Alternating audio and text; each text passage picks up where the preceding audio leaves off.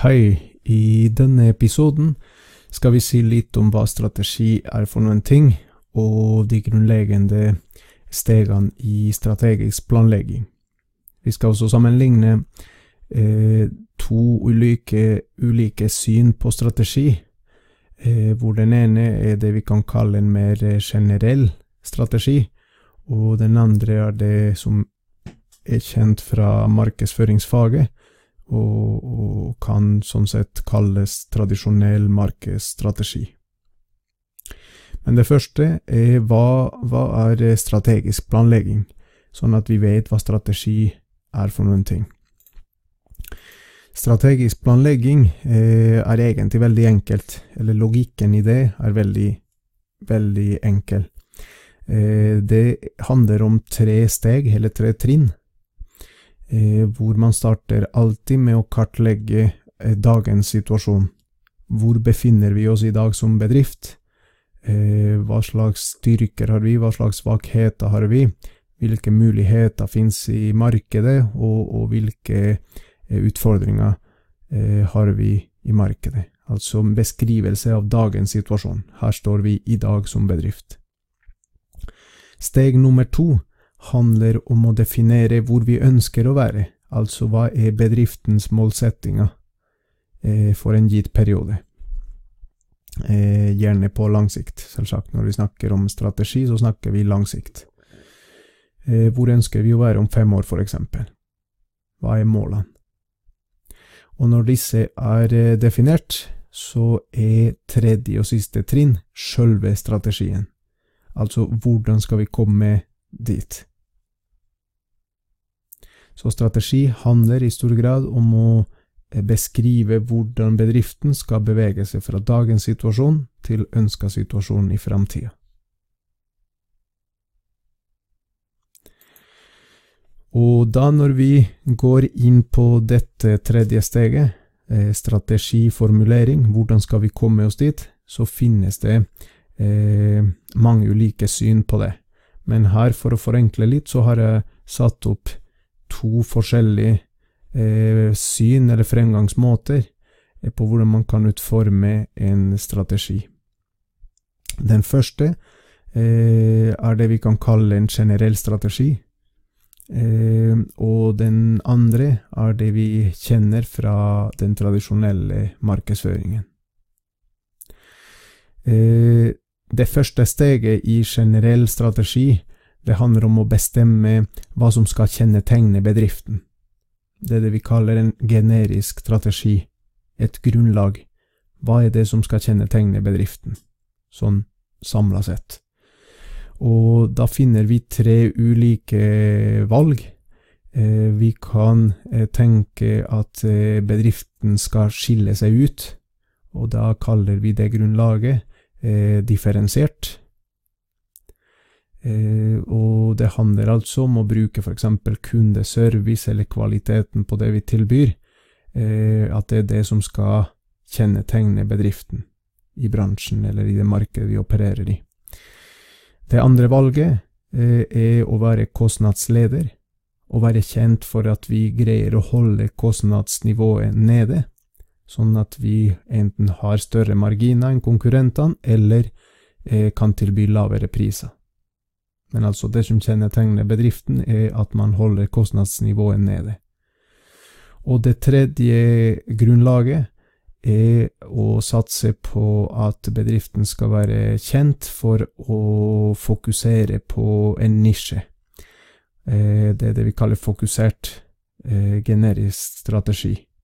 Og da handler det om å betjene en liten kundegruppe eller tilby et veldig lite eh, sortiment av et, eh, et produkt, eh, eller fokusere på et lite geografisk område. Det er altså grunnlaget i generell strategi.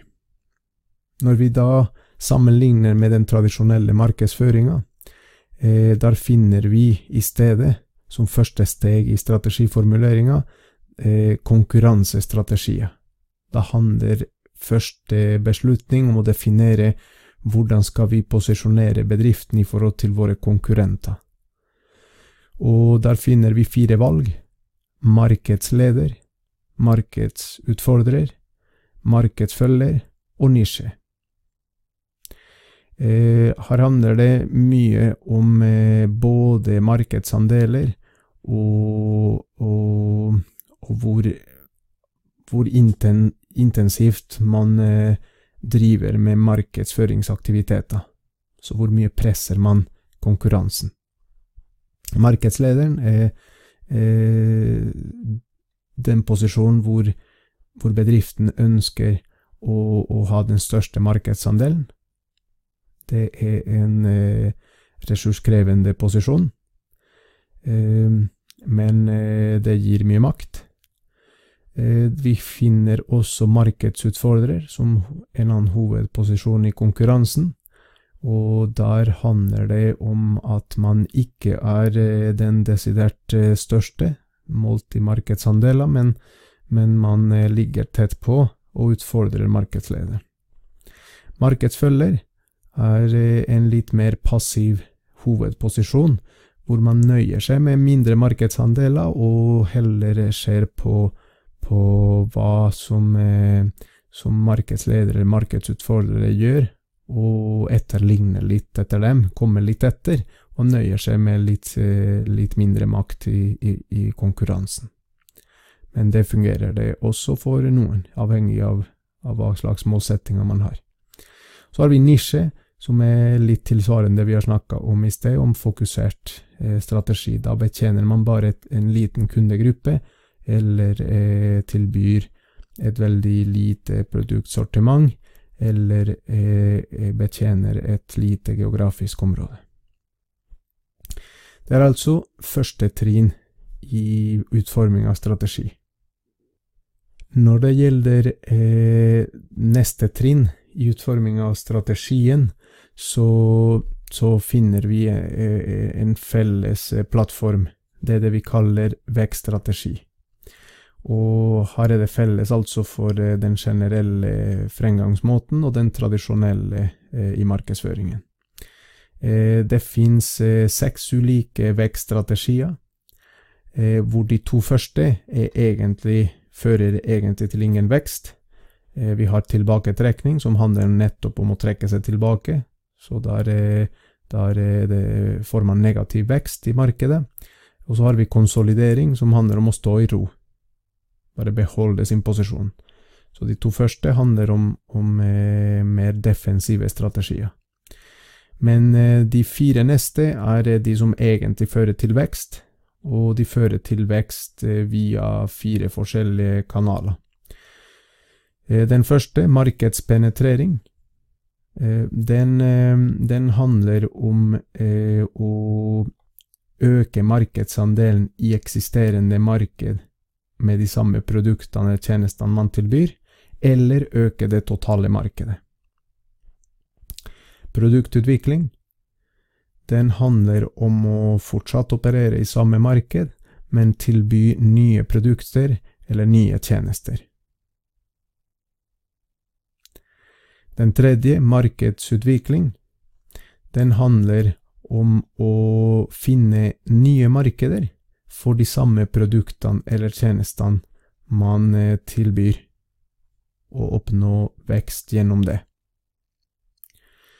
Og den siste, som er den mest risikable, den handler rett og slett om å gå inn i nye markeder med nye produkter. Eh, så å oppnå vekst gjennom det. Det er altså de fire valgene, pluss de to som egentlig ikke fører til vekst. Og det tredje og siste trinnet i utforming av strategien, der er det forskjellig igjen mellom eh, generell strategi og tradisjonell markedsføring. For eh, generell strategi så handler det om metoder. Litt mer konkret, hvordan skal vi gjøre det vi har sagt eh, så langt? Jo, og der finner vi tre mulige valg.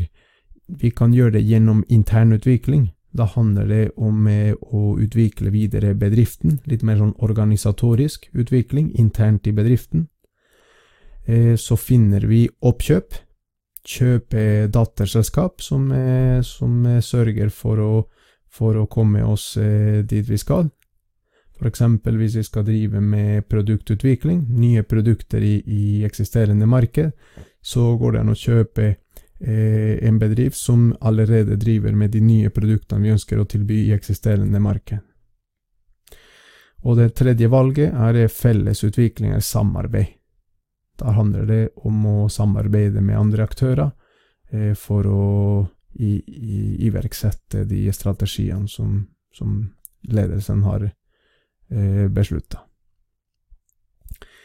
Mens i tradisjonell markedsføring, der har vi de velkjente fire p-er, eller marketing mix, markedsføringsmiks, eh, som eh, består av produkt, og har en produktpolitikk som sørger for å, for å virkeliggjøre de strategiene som er beslutta eh, i sted. Og prispolitikk, så bruker prisen som konkurransemiddel.